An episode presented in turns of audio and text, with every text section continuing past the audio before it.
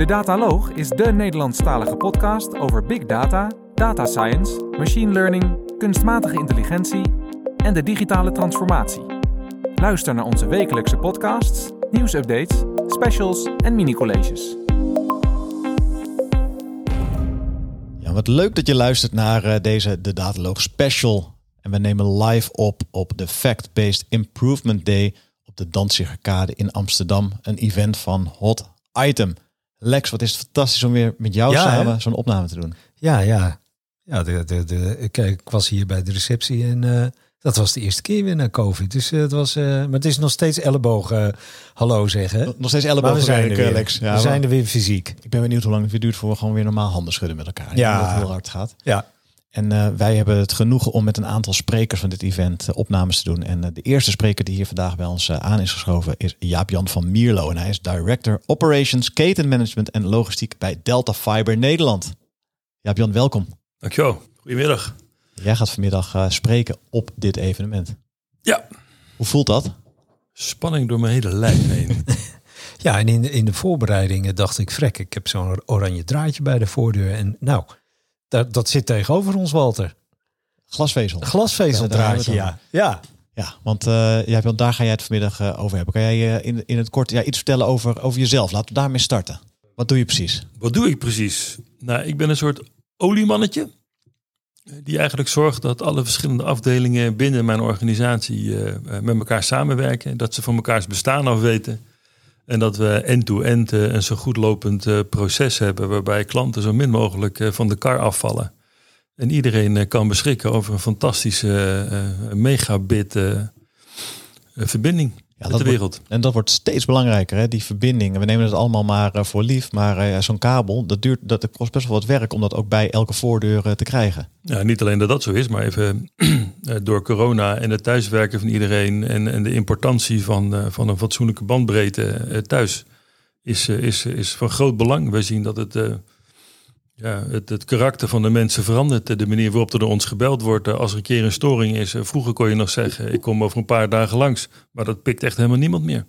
Nee. Ja. Nee. Mensen zijn eh, afhankelijk en anders beginnen je kinderen weer te schreeuwen Ja. dat er geen verbinding is. Ja, internet staat gewoon onderaan in de, de keten, keten van Maslow als primaire behoefte tegenwoordig. Ik, kan er, over, ik kan er vanuit thuis zeker over meepraten.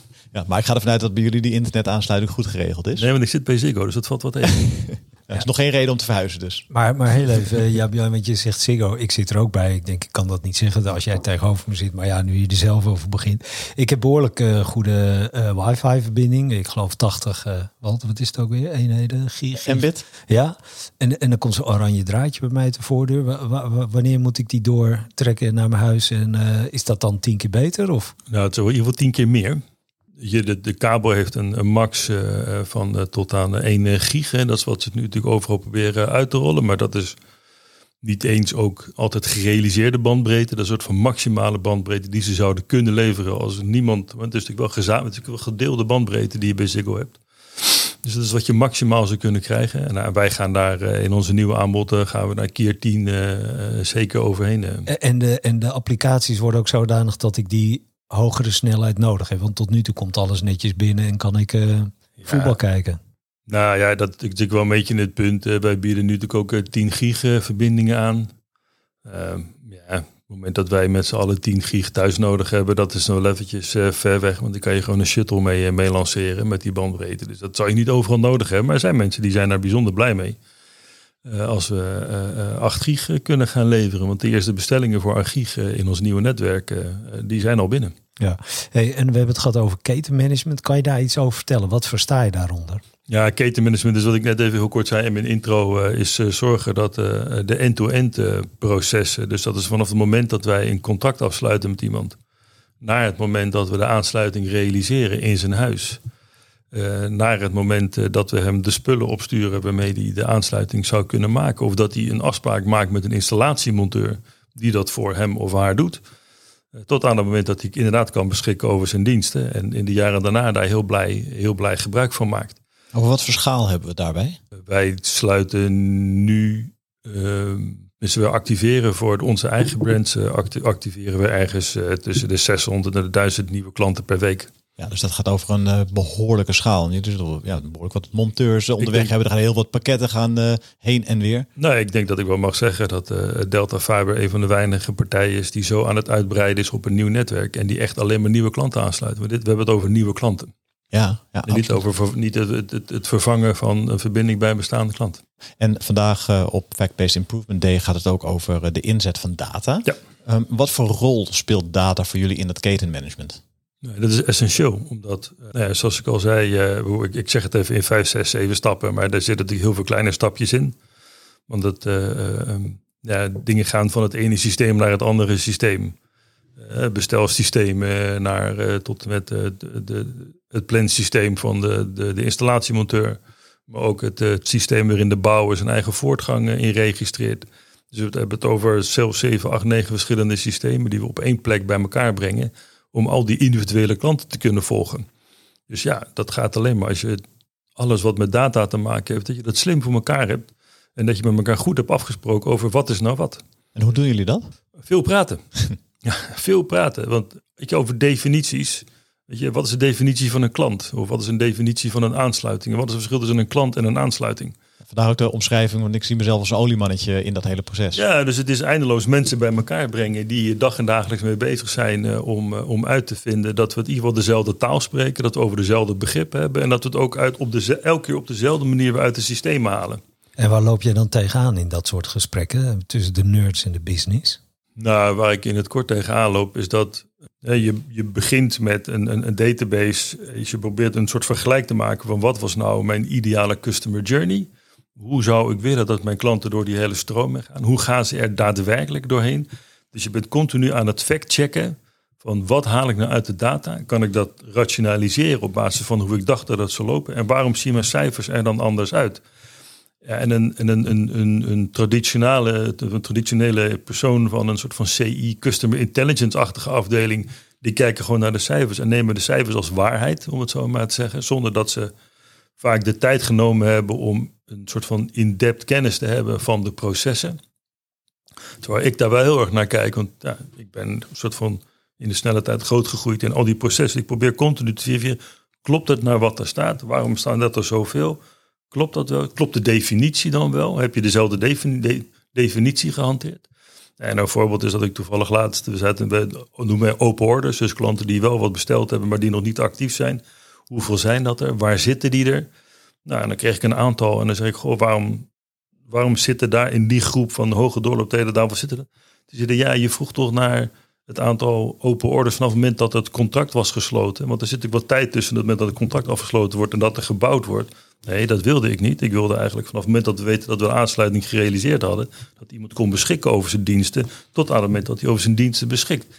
En dan, ja, dan heb je dat wel weer moeten controleren, want anders rapporteer je hele verkeerde cijfers. Dus het is continu verifiëren van wat krijg ik, klopt dat? En heeft hij wel begrepen waar hij naar kijkt? Of zij en, naar kijkt? en als jij nou uh, die informatie vraagt, hè, is dat ad hoc of is het gewoon in real time? Heb je dashboards en zijn die definities vooraf vastgesteld? Hoe, hoe werkt dat bij jullie? Nou, wij, doen, wij doen momenteel veel dingen achteraf. Uh, we zijn een soort inhaalslag aan het maken op datgene wat we eigenlijk al jaren aan het doen zijn. Uh, en als ik een vraag heb of een vraag krijg, dan probeer ik altijd zelf even te bekijken van is het een ad hoc, een ad, hoc vraag of wordt het een vraag die ik elke maand terugkrijg? Ja, en als het een vraag is die in die tweede categorie zit, dan ga ik naar een structurele oplossing kijken. Want ik ga niet elke keer met Excel of weet ik wat, met Power BI allemaal listige dingen doen. Dan wil ik dat daar gewoon een, een structurele oplossing voor komt die we dagelijks of wekelijks kunnen, kunnen inladen. En als het eenmalig is, dan is het eenmalig en dan maakt het me niet zo heel veel uit. En Jan, die definities die maken een belangrijk onderdeel ja. daarin uit. Want dat stelt je ook in staat om op een uh, efficiëntere manier met elkaar te communiceren. Want je hebt het over hetzelfde uiteindelijk. Ja. Hoe leggen jullie die definities vast? Ja, daar hebben, we, daar hebben we niet een apart systeem voor. Dat is gewoon een lijst in Excel. Uh, stel, ik, ik kom binnen bij uh, Delta Fiber en ik ja, dan word onderdeel van deze keten. Ja, dan kunnen we zo een lijstje geven met welke definities we momenteel hanteren. Ja, ja. En hoe je die herkent in, het, in het datasysteem. Ja. ja, dat lijkt me essentieel inderdaad om vallen zoals je net omschreef, om dat te voorkomen. Ja, zeker. Want er komen elke keer komen natuurlijk weer nieuwe mensen binnen. En, en die moeten, zoals jij zelf zegt, die moeten zo snel mogelijk up to speed zijn met wat er gebeurt. Want anders volg je de helft van de discussies niet. En om de inwerktijd te verkorten, maar ook Gewoon überhaupt vanuit de vastlegging hebben we een soort van eigen, noemen we een databoard. Uh, beginnen we elke week weer de definitie tegen het licht aanhouden. Want we, natuurlijk, ja, we, leren elke dag meer. En dan denken we, ja, weet je, volgens mij hadden we hier nog weer een, een alternatief op. Dus een aansluiting. We hebben een aansluiting, we hebben ook een aansluiting waar geen, uh, waar bijvoorbeeld weer een andere situatie van toepassing is. We willen dat inzichtelijk maken en moeten we een andere definitie voor maken. Ja, zo, zo zijn we eindeloos bezig. Nou, ik stel me zo voor dat jij s ochtends ook, ook, ook opstaat. En uh, er zijn onderzoeken, wat doen mensen als eerst? Vaak pakken ze hun mobiele telefoon. Maar ik kan me in jouw rol voorstellen dat het eerste wat jij doet is kijken naar een dashboard van hoe staan mijn KPI's ervoor. Ja. Is dat ook zo? Hebben jullie zo'n dashboard? Nou ja, we hebben, we hebben inderdaad een aantal van dat soort dashboards waarin we inderdaad kunnen zien uh, of er klanten zijn die te lang, en daar hebben we een aantal thresholds voor, verschillende Engelse termen. Een aantal drempelwaardes. Dankjewel, dat is een heel mooi woord. Een aantal drempelwaardes in, waarin we inderdaad kijken van goh, waarom zit deze zo lang in dit bakje, om het zo maar te zeggen. En kunnen we, dat, kunnen we uitvinden wat eraan is. Daar in principe hebben we daar mensen voor, dus ik ben niet de enige die daarnaar kijkt. Maar ze heeft elk uitvalbakje, om het zo maar te zeggen, heeft een eigen eigenaar. En die is het eerste wat hij doet bij het wakker worden. Is kijken wat er in zijn bakje zit en of hij daar wat mee moet. En of hij dat een duwtje moet geven, wat hij iets moet oplossen. Omdat er of in de data niet goed zit. Of omdat iemand ergens een fout gemaakt heeft in de stap ervoor. Wat dan daar gecorrigeerd moet worden. Dus ja, daar wordt dagelijks naar gekeken. En, en hoe zie jij de toekomst op het gebied van data? Wordt daar voorspellende modellen zijn nu mee bezig? Komt er een afdeling data science? Eh, hoe, hoe zie je dat gaan ontwikkelen bij uh, jullie bedrijf? Nou ja, kijk, wij zijn nog lang niet klaar met bouwen. Ja, zoals je in de krant gelezen kan hebben, hebben we net 2 miljard opgehaald van onze investeerder. Dus daar zijn we nog wel even mee bezig voordat dat op is. Ehm, en ja, we gaan veel meer variaties doen in de manier van waarop we bouwen versus het aantal mensen wat we gaan aansluiten. Dus daar zullen we veel afhankelijker zijn van. Daarnaast gaan we meer doen, waardoor de afhankelijkheid van de leverancier die die pakketten levert, maar ook de leveranciers die ons die apparatuur moeten aanleveren om al die klanten te kunnen bedienen. de, de chipsetkrapte is nog niet de markt uit. Dus daar zitten we ook nog wel op een aantal plekken met samengeknepen billen. Uh, en tegelijkertijd uh, zetten we met de capaciteit uh, van installatiemonteurs, die is ook niet oneindig. want T-Mobile is overal aan het bouwen, KPN is overal aan het bouwen. En eigenlijk gebruiken we allemaal van dezelfde capaciteit van installatiemonteurs, want het zijn ook allemaal ZZP'ers. En daar proberen we zo goede mogelijke forecasting op te bouwen. Uh, om in ieder geval uh, de, juiste, de juiste capaciteit te claimen bij onze partners. Ja, dat dus... is waar we nu toevallig nu inderdaad de afgelopen maanden mee, mee, bezig zijn geweest. Om te kijken hoe kunnen we dat zo slim mogelijk doen. En dat doen we samen dan ook weer met Hot Item. En wat bouwt Hot Item daar dan, dan in? Kan je daar een, een voorbeeld van geven? Nou ja, wat Hot Item daarin in bouwt is om samen met ons een, een, een forecast model te bouwen. Want we hebben enerzijds, we weten wat we verkocht hebben. We weten ongeveer wat we gaan bouwen. En dan gaan we kijken op basis van de ervaring over de, de betrouwbaarheid van de bouwforecast uit vorig jaar. Kijken of we die kunnen loslaten op de bouwforecast voor dit jaar. En daar zit er weer in. Uh, uh, er zitten allerlei problemen die we tegen kunnen komen, zitten daarin. En dan gaan we op basis daarvan gaan we kijken van nou, als we op dat moment daar iets bouwen, hoe snel verwachten we dan dat die de rest van de keten inloopt, die orders. En op basis daarvan kunnen we de capaciteit voor de verschillende partijen vaststellen. En ook het aantal apparatuur wat we nodig hebben om bij de klanten neer te kunnen zetten. Zijn er nog onderdelen in de keten uh, die op dit moment nog niet gebruik maken van dit soort inzichten? Uh, nee, in principe maakt iedereen nu wel redelijk gebruik. Het enige wat we wel zouden kunnen doen, is nog wat meer aansluiting vinden bij het callcenter. Maar het callcenter heeft qua planning best een lange doorlooptijd. Die moeten een maand of soms twee maanden vooruit plannen. Want mensen moeten weten waar ze aan toe zijn, waar het gaat met hun baan. Uh, dus daar zitten we wel een soort van aanscherping in waar we nog iets meer zouden kunnen doen om te kijken of we op het laatste moment wat flexibeler kunnen omgaan met de bezetting. Eh, door bijvoorbeeld als we verwachten dat er minder aankomt, terwijl ze wel ingeroosterd hebben, dat we ze iets anders kunnen laten doen. Want we merken met name dat klanten nabellen, een soort van knuffelcalls van is het allemaal wel goed gegaan, bent u nu tevreden? Dat levert wel eh, heel veel op eh, in het kader van de NPS.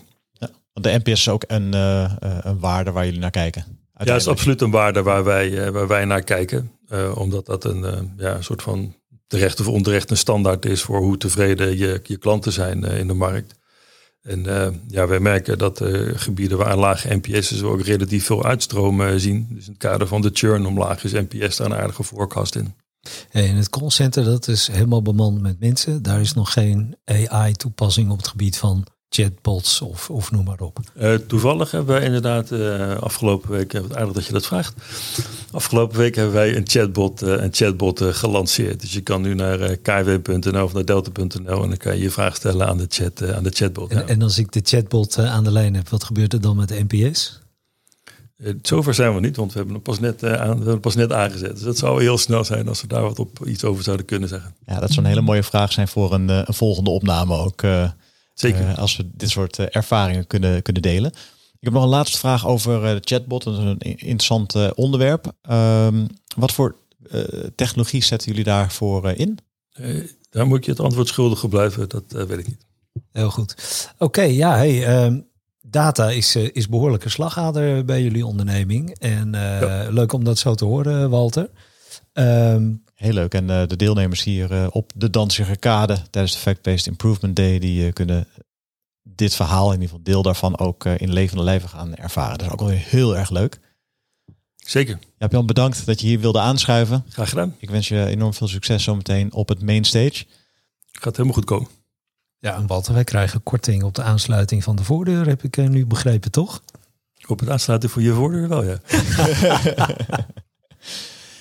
Heb jij nog uh, voor, voor eruit gaan? Je hebt Jan je vertelde, we zijn echt aan het uh, groeien. Heb je ook nog uh, data gerelateerde rollen waar je naar zoekt? is dat nog iets waar je een, een shout-out voor zou willen doen naar onze luisteraars? Ik denk dat de wereld zit te schreeuwen om mensen met een voorliefde voor data die meer willen dan alleen in Excel. En ook wij zijn altijd op zoek naar goede, goede mensen, data-analysten, marktanalisten en dat soort zaken. En die kunnen die vacatures vinden bij ons op de website.